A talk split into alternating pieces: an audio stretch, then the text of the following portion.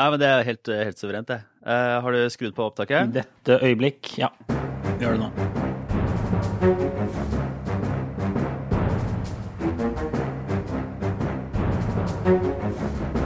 Ja. Eh, Nei, men Så bra. Eh, Da er vi tilbake med en liten runde til med en USA-spesial. Det skjer jo stadig ting hele veien, egentlig. Og med da direkte inne fra eh, så er det, det er jo hjemmekontoret slash soverommet i Brooklyn. Øystein Langberg, hvordan går det? Det går veldig bra. Det går veldig, veldig bra. Jeg er akkurat tilbake fra Iowa. Eh, Jeg kom tilbake i går kveld. Sent i går kveld. Midt under State of the Union. Vi skulle egentlig hatt denne poden fra Iowa, men det, det gikk ikke. Ja, nei, for det var jo hele, hele det politiske nerde-USA og store deler av, eh, av verden også har jo venta i ja, dagevis og timevis og for ikke si årevis, Ja, årevis. på å få den demokratiske primærvalgkampen ordentlig i gang. Og vi tenkte vi skulle ha denne podkasten for eh, mer eller mindre to døgn siden. Men eh, det har jo blitt et salig kaos borti Iowa, for det er ikke så sinnssykt lett å finne ut hvordan disse demokratene har villet fordele stemmene sine mellom, eh, mellom de demokratiske kandidatene. Nei, det endte i en gedigen og skuffende fiasko. De, altså det var ventet at disse resultatene ville komme i løpet av en time, begynne å tikke inn. Eh, men det tok nesten et døgn før de første resultatene kom, og fortsatt så er det bare 71% som er opptalt. Så når vi snakker om resultatene nå, så er det foreløpige resultater. Vi vet ikke hvordan, hvordan det har endt, og spørsmålet er når vi får vite det i det hele tatt. Og det som gikk galt, eh, sies da å være en eh, app som man skulle begynne å bruke. Ja, Okay? det ja. det? Er jo rundt eh, 1700 sånne forsamlingslokaler eller nominasjonsmøter i Iowa, og fra hvert av disse møtene så skulle det sendes inn resultater via en app. Og det systemet fungerte ikke, og så skulle det ringe inn, og da var det ikke kapasitet til å ta imot eh, all innringinga. Og så har de begynt å telle disse stemmene, og det har tatt veldig, veldig lang tid. Og så har de konspirasjonsteoriene begynt å blusse opp, og så vil de være helt sikre på at det de går ut med, er riktig. Det er jo fortsatt mye informasjon som ikke er sånn helt bekrefta og helt oversikt over, men det var noen som, som, som skrev og mente at de hadde testa denne appen på et sånn gratis eh, abonnement, et sånn gratis system, sånn at eh, eh, som hadde maks eh, 200 brukere. Så når de skulle teste det ut i den virkelige verden, da, eh, der det var mange flere, så var det jo bare full kneling og ikke ordentlig info. Ja. Altså Donald Trump og republikanerne har jo ledd voldsomt av det her og mener at det er et tegn på at demokratene ikke kan styre noen ting. De klarer ikke å Nei. velge sine egne politikere engang. Og også liksom toppdemokrater har jo kasta seg inn i det her og var ganske harde ord mot de stakkars folka som har prøvd å organisere det. Ja, men det er jo en fiasko. Dette er jo det Iowa skulle fikse, og hele verden har sittet og venta på. Så dette, dette burde de hatt kontroll over, om de skulle hatt kontroll over noe som helst. Og de har jo i Trump-leiren pælma masse bensin på bålet også ved å underbygge sånne konspirasjonsteorier om at kanskje spillet er rigga, Joe Biden har ikke gjort det spesielt bra, kanskje er det en fordel for han at disse resultatene blir dyssa ned. Går konspirasjonsteorien ut på det er det ingenting som tyder på at Biden-leiren skal ha hatt noe med dette å gjøre, da. Men eh, for å bare utfordre den litt nå, fordi at disse diverse kommentatorer, journalister, alle sånne mediefolk, og til dels vi også, sier at det er, ja, det er et kaos, og det er en liksom, katastrofe, og det er en eh, utrolig tabbe, og eh, det er så vanskelig.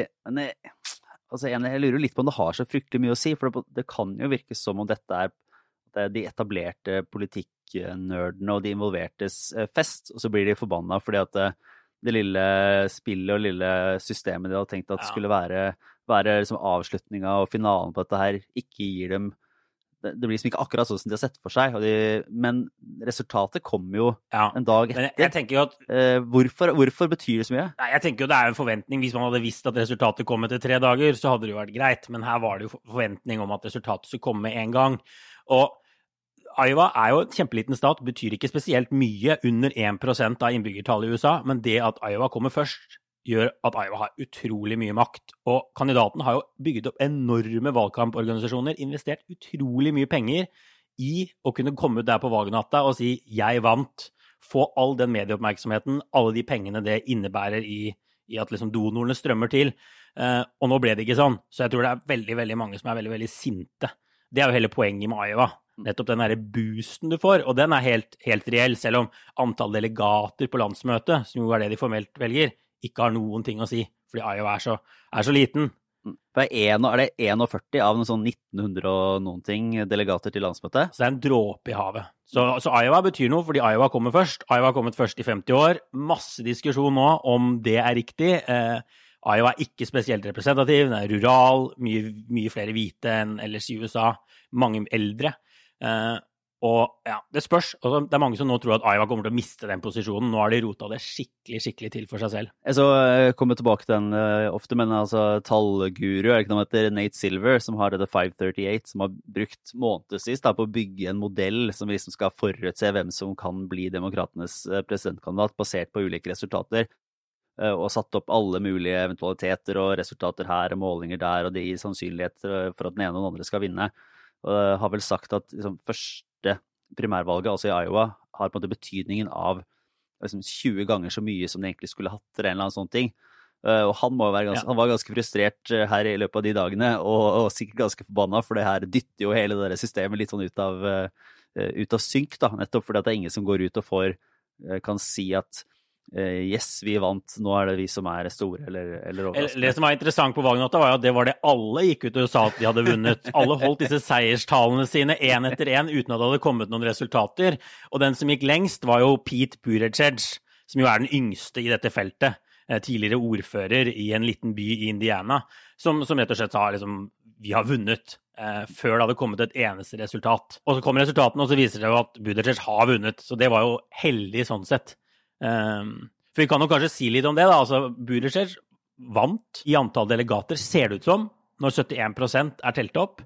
Og så kom Sanders rett bak mm. på andreplass eh, i antall delegater. Og så er det også andre måter å rapportere resultatene på, men det er liksom den standardmåten. Nei, så var det vel sånn at uh, Pete Buttigieg, som, som har ligget som sånn uh, fjerdeplass eller noe sånt på disse målingene, har lagt inn veldig mye krefter på, på, å være god nettopp i Iowa. Han trengte jo å gjøre det bra og overraske og overprestere, sånn at han kunne få et løft.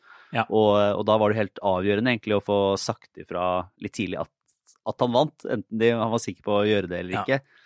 Men er, er det regna som at, at, det, at, det, ikke betyr så mye nå, fordi at det ble en litt sånn vanna ut prosess? Altså jeg tror, det, det, kan virke som det betyr litt mindre, for det, det drukner jo i alle mulige andre nyheter. Trump holder State of the Union, det er riksrett, det er masse andre ting. Eh, hadde han kommet ut der på valgnatta, han gjorde det mye bedre enn det snittet av målingene viste på forhånd, så kunne det gitt han virkelig positiv oppmerksomhet. Et, et kjempeboost. Det var en kjempeopptur for Buttigieg sin, sin kampanje, men ja, det spørs om han får like mye, like mye trøkk ut av Iowa som han ville fått ellers. Så sånn sett er han vinner og kanskje litt taper i det her eh, samtidig. Og så eh, må du jo si litt, for du har jo da vært i Iowa, og, og vi snakka jo tidligere her eh, for et par uker siden om hvordan det er en stat som er litt sånn på, på sida de har jo da dette caucus-systemet der man liksom møter opp på et møte og skal argumentere og, snakke, istedenfor å bare gå og levere en stemmeseddel. Du har jo vært med på dette greiene. Kan du ikke fortelle litt fra hvordan det er? Ja, nei, Det vanlige ikke sant? i de fleste stater er jo stemmeavlukke, du avgir din stemme, går ut igjen. Her er det et, et, et Altså, det er en blanding av et politisk møte og et sånt elendig strukturert foreldremøte. Eh, hvor du må tilbringe mange timer med dine naboer. Og så kommer du opp. Eh, du møter, møter, opp på ditt nærmeste forsamlingslokale. Jeg var et sted i Des Moines, i, i delstatshovedstaden, på en, en, liten gymsal. Og da finner du på en måte din leir der inne. Du setter deg sammen hvis du er Biden-supporter, setter du deg i Biden-hjørnet. Hvis du er Sanders-supporter, setter du deg i Sanders-hjørnet. Og så åpner en person da dette ballet. Øh, og så begynner folk å holde sånne korte appeller, taler, mm. Eh, for sin kandidat. Men er det, du sier at eh, ja, det er naboer, altså, men hvor smått er dette her? Sånn, eh, er det, for det er litt den romantiske forestillingen er at, at man sitter et, ja, et nabolag eller er noen venner, eller Men er det sånn De som er der, kjenner de hverandre, eller er det på en måte et tilfeldig treff på liksom, Ok, hvis vi liksom kaller inn hvem som helst til Kulturhuset i Oslo, skal sitte og bli enige om hvem som skal Eh, representere Indre Oslo SV, hvem som helst kan komme og prate sammen, og så er det egentlig fremmede folk. Ute på bygda så er det åpenbart eh, lokale folk, jeg tror nesten alle kjenner hverandre. Der jeg var, var det noen som kjente hverandre. Det var ja, 100 ca. i salen der jeg var. Det er også noen enorme gymsaler, idrettshaller, hvor det er altså, mange, mange flere enn det. Så det er litt sånn varierende, men det er definitivt en sånn lokal, eh, lokal følelse i en god del av de stedene. Eh, og det var sånn veldig klisjé der jeg var da jeg kom inn. Biden-gjengen, gamle folk som bare sitter på og venter på å gå igjen. De skal bare stemme og komme seg ut. Så står en fyr borti et hjørne og drar i gang 'Blowing in the Wind', Sanders-supporter. Og, og, ja, og, de stemmer i hele gjengen. Det var eh, akkurat som, som forventa. Mm.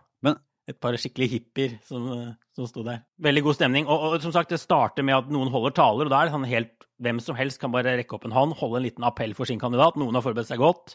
Det var ei dame der som, som, som støtta Tom Steyer, en uh, milliardær, som ikke hadde forberedt seg så godt. Som var en helt vanlig dame fra gata som har begynt å, begynt å prate. Hun var den eneste som støtta Tom Steyer. i det Jeg ser på at det er, veldig, det er litt sånn du kan, altså De ordentlige kampanjene har vel antageligvis rigga det litt, sånn at de vet hvem som skal reise seg opp og si noen ting først, så det ikke går helt, helt gærent. For ellers så kan man risikere at det er tullinger. Ja, det er riktig. De har utpekt sånne precinct captains, heter det. En, liksom en lokal leder for liksom Sanders sin gjeng i rommet, som også har i oppdrag å, å prøve å overbevise andre om å komme over til Sanders-bordet for at de skal skaffe seg flere stemmer.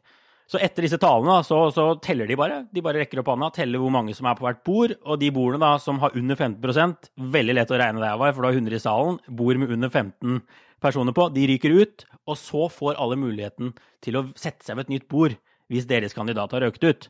Så da jeg var, var det kun Buttigieg, Sanders og Biden som var det de kaller viable eller levedyktige etter runde én.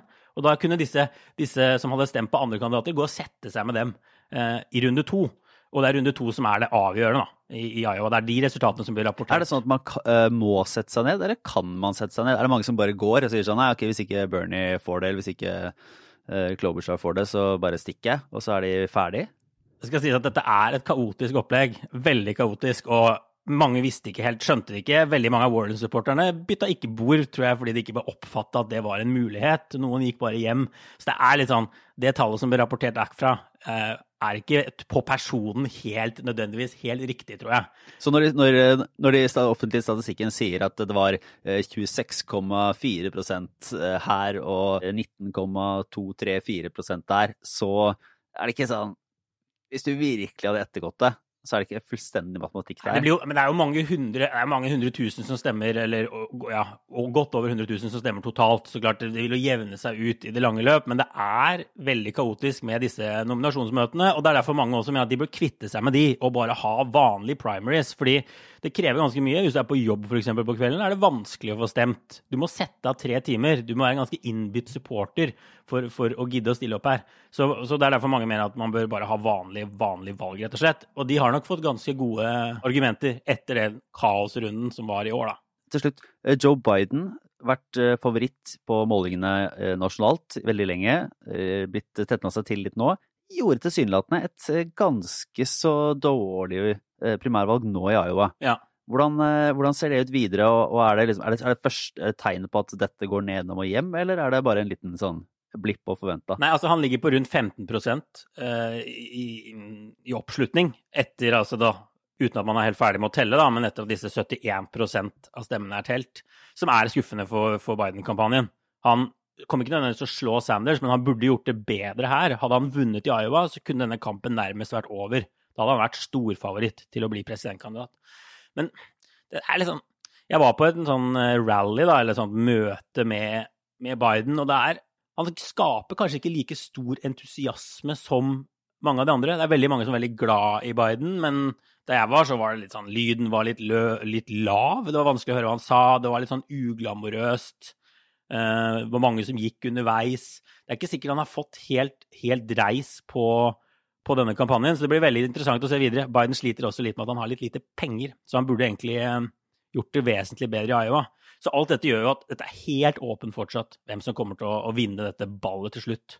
Det kan bli Biden. Han gjør det bedre i andre stater enn han gjør, gjør i, i, Iowa og, og, New Hampshire, da, som kommer til uka. Det eneste det var, Jeg så en statistikk her på hvor mange eh, millioner av dollar som er brukt på å eh, gjøre det godt da, i, i, akkurat Iowa, og hvordan de har holdt på og satt inn på sine, til dels sine beste folk for å drive valgkamp, også i sånn bitte små, på bitte liten skala. Ja så, så, det er jo enormt med krefter som er, er, eh, satt i sving for å få det her til å gå rundt, og for å måte, gi seg selv en sjanse og for å komme godt, godt, i gang. Så jeg skjønner at det er frustrerende når det bare eh, stopper helt opp. Men jo, nå er det jo rett videre til eh, New Hampshire. Er det ikke det? Nå har De fleste har jo satt seg på fly. Det er ikke sånn at uh, Elizabeth Warren og de andre henger Ja, De satte seg på flyet lenge før resultatene hadde kommet, så, det, så nå er det, man videre fra Iowa. Så det spørs hvor, mye, liksom, hvor mange som kommer til å legge merke til hva det sluttresultatet til, til blir. Men du har rett, og det er uh, i at mange har investert mye. og det er, Iowa er en ekstremt rural stat. Den som trodde Danmark var flatt og monoton, burde ta en tur til Iowa. Det er bare helt, helt sinnssykt.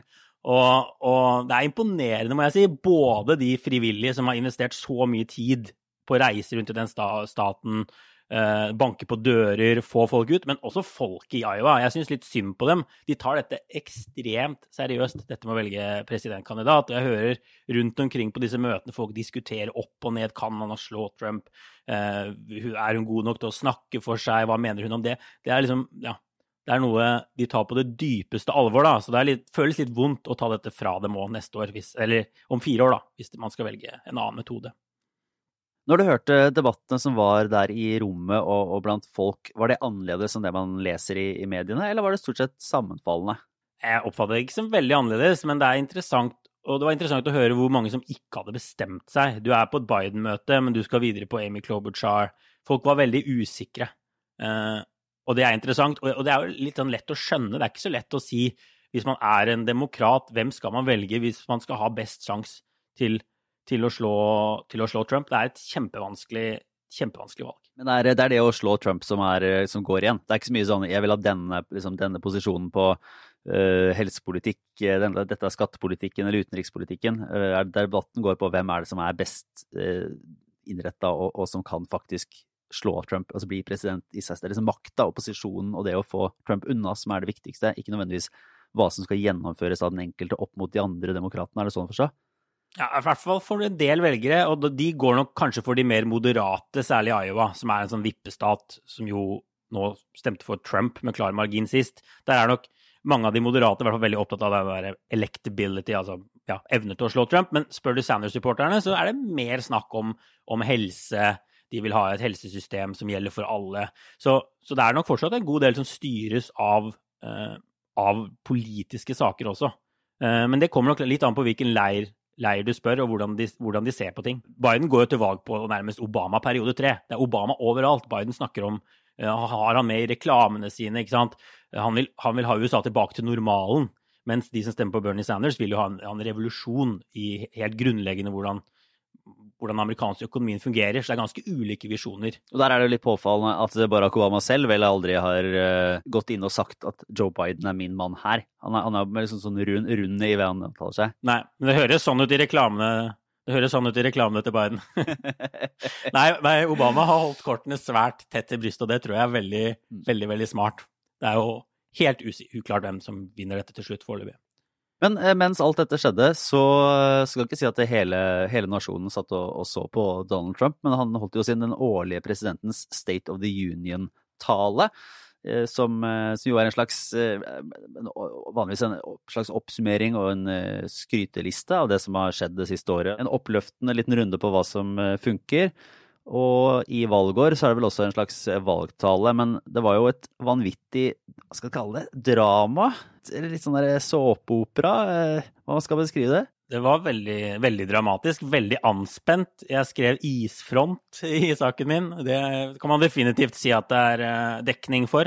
Nei, altså Det foregår midt under riksrettssaken. Før jul ble jo Trump tredje president i historien til å bli stilt for riksrett av Representantenes hus. Han har ikke snakket med hun som leder Representantenes hus, Nancy Pelosi, på over fire måneder, skriver amerikanske medier. Og dette er jo vanlige personer som har en del kontakt, ikke sant. Så det var spørsmålet hva som ville skje når de da møttes i går. Eh, de tvinges jo på en måte egentlig til å hilse på hverandre. Trump leverer over manuset sitt til talen når han kommer inn i rommet. Hun rakte ut en hånd. Trump snudde seg rundt, tok ikke tak i den, startet talen. Eh, det var en god del demokrater som bare har boikotta hele talen. Noen sa de bare gikk underveis. Um, og etter at Trump var ferdig med talen, så tok Nancy Pelosi opp arkene hun hadde fått, og rev de i to foran TV-kameraene. Så det var et, et, skikkelig drama, et skikkelig drama eh, i går, og det var viste hvor utrolig dårlig det forholdet er eh, om dagen. Og, og det er jo ventet at Trump blir frikjent eh, nå, eh, i dag, eh, i riksrettssaken også. Eh, så det er de, de, sliter med å få, å få til et godt forhold.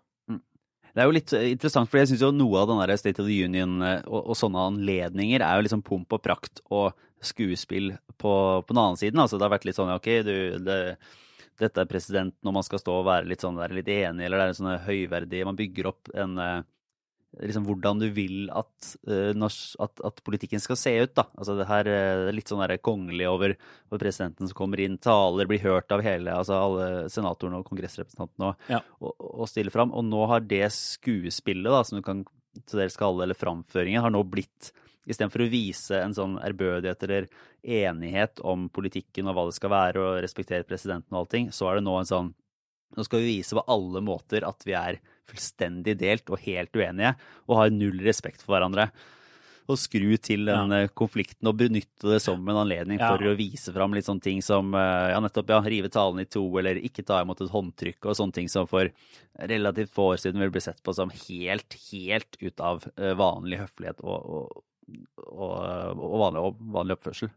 Ja, helt klart. Det er jo sånn, fortsatt en sånn merkelig blanding. De har en del pomp og prakt, og så har du disse småtingene innimellom som bare er sånn ja. Egentlig ganske, ganske vanvittige når man tenker over det. Men det Trump snakket om da i talen sin, var jo økonomi. Eh, liksom, han, det, han, ramset opp Ja, og det går ganske bra med amerikansk økonomi. Han har rett i at ledigheten er den laveste på, på over et halvt århundre. Den er på 3,5 eh, som er kjempebra. Han, han ramsa opp en sånn smørbrødliste med økonomisk statistikk. Det var nærmest som å være på sånn SSB-fremføring. Det høres helt, helt, eh, optimalt ut for deg, da. Ja, for, for, meg, er det, for meg, er det, spennende. Det er selvfølgelig ikke, ikke, ikke like nøytralt som når SSB legger frem ting. Det, han har valgt ut en del statistikk her. Men altså, han har, har, rett i at det er kjempelav ledighet eh, blant, blant, svarte, blant andre minoriteter, blant kvinner. Det er mye som går veldig bra, eh, bra med økonomien.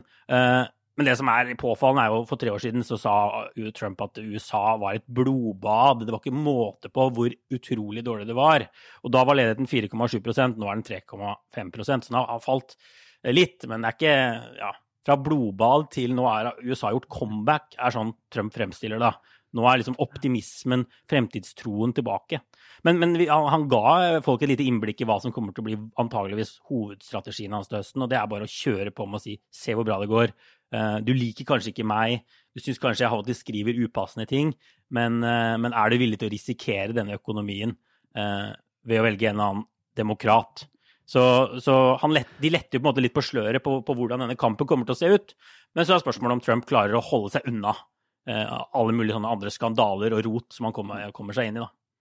Men var det, så, var det så, tydelig? Så, så sier han sånn uh, det, Ja, om ikke du liker meg altså, Eller er det mer sånn implisitt? Han, han, går så langt som å si at ja, jeg er uh, kontroversiell og bla, bla, bla, men se på, se på økonomien, eller, eller ligger Nei, det bare til grunn? Han sa ikke det i går, han hadde ikke en sånn, men noen av reklamene hans har vært litt, litt, på de tingene der, og det er interessant å se hva de gjør reklamemessig. De har hatt noen ganske sterke, sterke reklamer uh, TV-reklamer i det siste. Så det virker som de liksom i hvert fall prøver seg litt på den type budskap, da, uten å si det så eksplisitt. Men, men, at, eh, men, at, økonomien kommer til å være en sånn greie. Og viser, altså, spør man amerikanere, så det, har de ganske stor tillit til Trump på økonomien og, og, og det han har gjort. Eh, så, så, så, det er et sterkt kort for Trump, det er ingen tvil om det. Men han er jo kontroversiell av veldig mange andre grunner, så spørsmålet er om han klarer å holde seg til dette optimistiske budskapet. Ikke sant. Ja.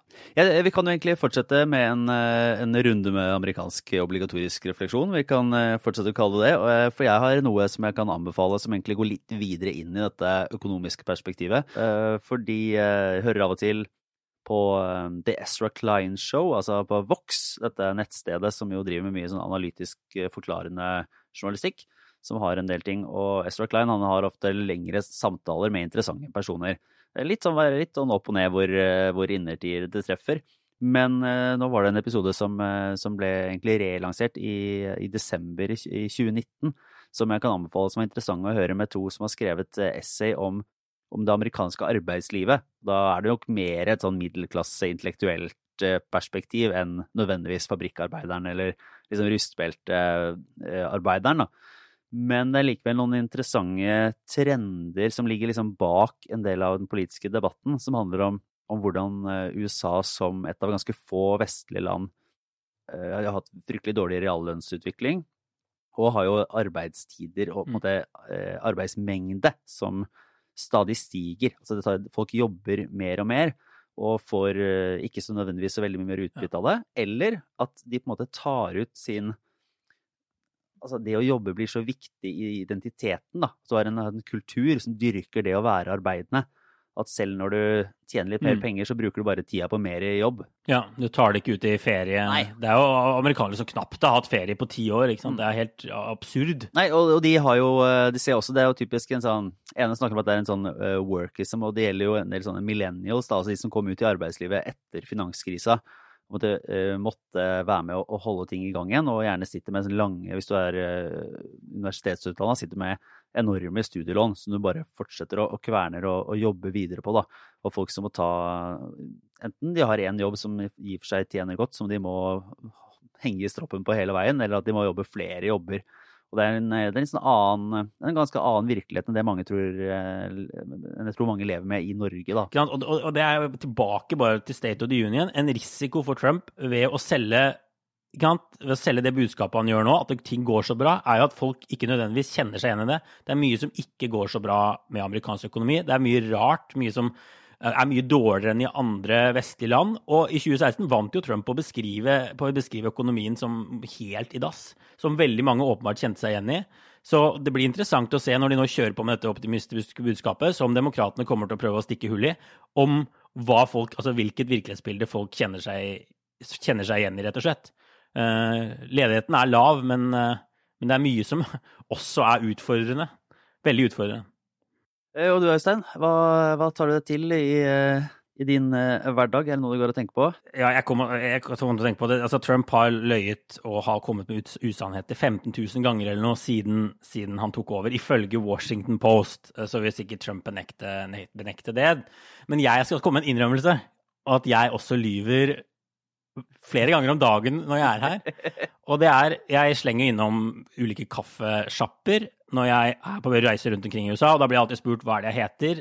Og det er ganske mye styr å begynne å stave Øystein, jeg vil ha en kaffe. Eh, Jeg orker ikke sånn spelling bee. Så jeg eh, kaller meg Peter, rett og slett. Jeg sier jeg heter Peter, da det kan alle, alle stave. Det er ingen stumme h-er eller, eller kronglete bokstaver inni der. Men problemet er at når man da har noen stamkafeer som jeg går tilbake til, så fester det navnet seg. Eh, Ja, amerikanere er veldig hyggelige også. Det skjedde, Ja. ja, og det skjedde i Brussel også, ved det, ved, det, ved, det, ved det jeg eh, drakk kaffe i lunsjen. Jeg starta bare med å si Peter noen ganger, og etter hvert så var det 'Hi, Peter, how are you?' Og så er, det, ikke sant? så er du i gang. 'Hvordan var det hjemme i Norge?' Og så er jeg plutselig vikla meg inn i en sånn herre eh, web of lies, som de sier her, hvor, hvor jeg rett og slett heter noe annet enn jeg, enn jeg gjør til vanlig. Det er, ja, det er utfordrende, men det er også veldig irriterende med, med Øystein hele tiden.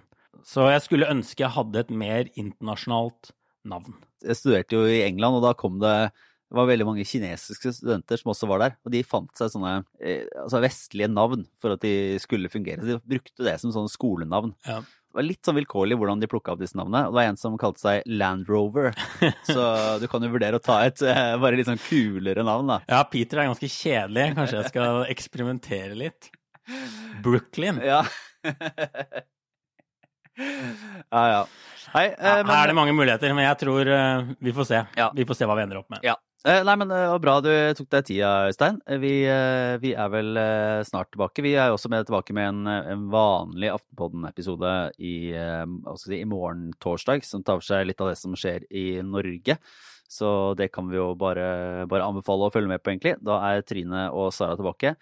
Supert, Øystein. Takk, takk. Det var Aftenpodden. Jeg er Lars Glomnes. Ha det bra.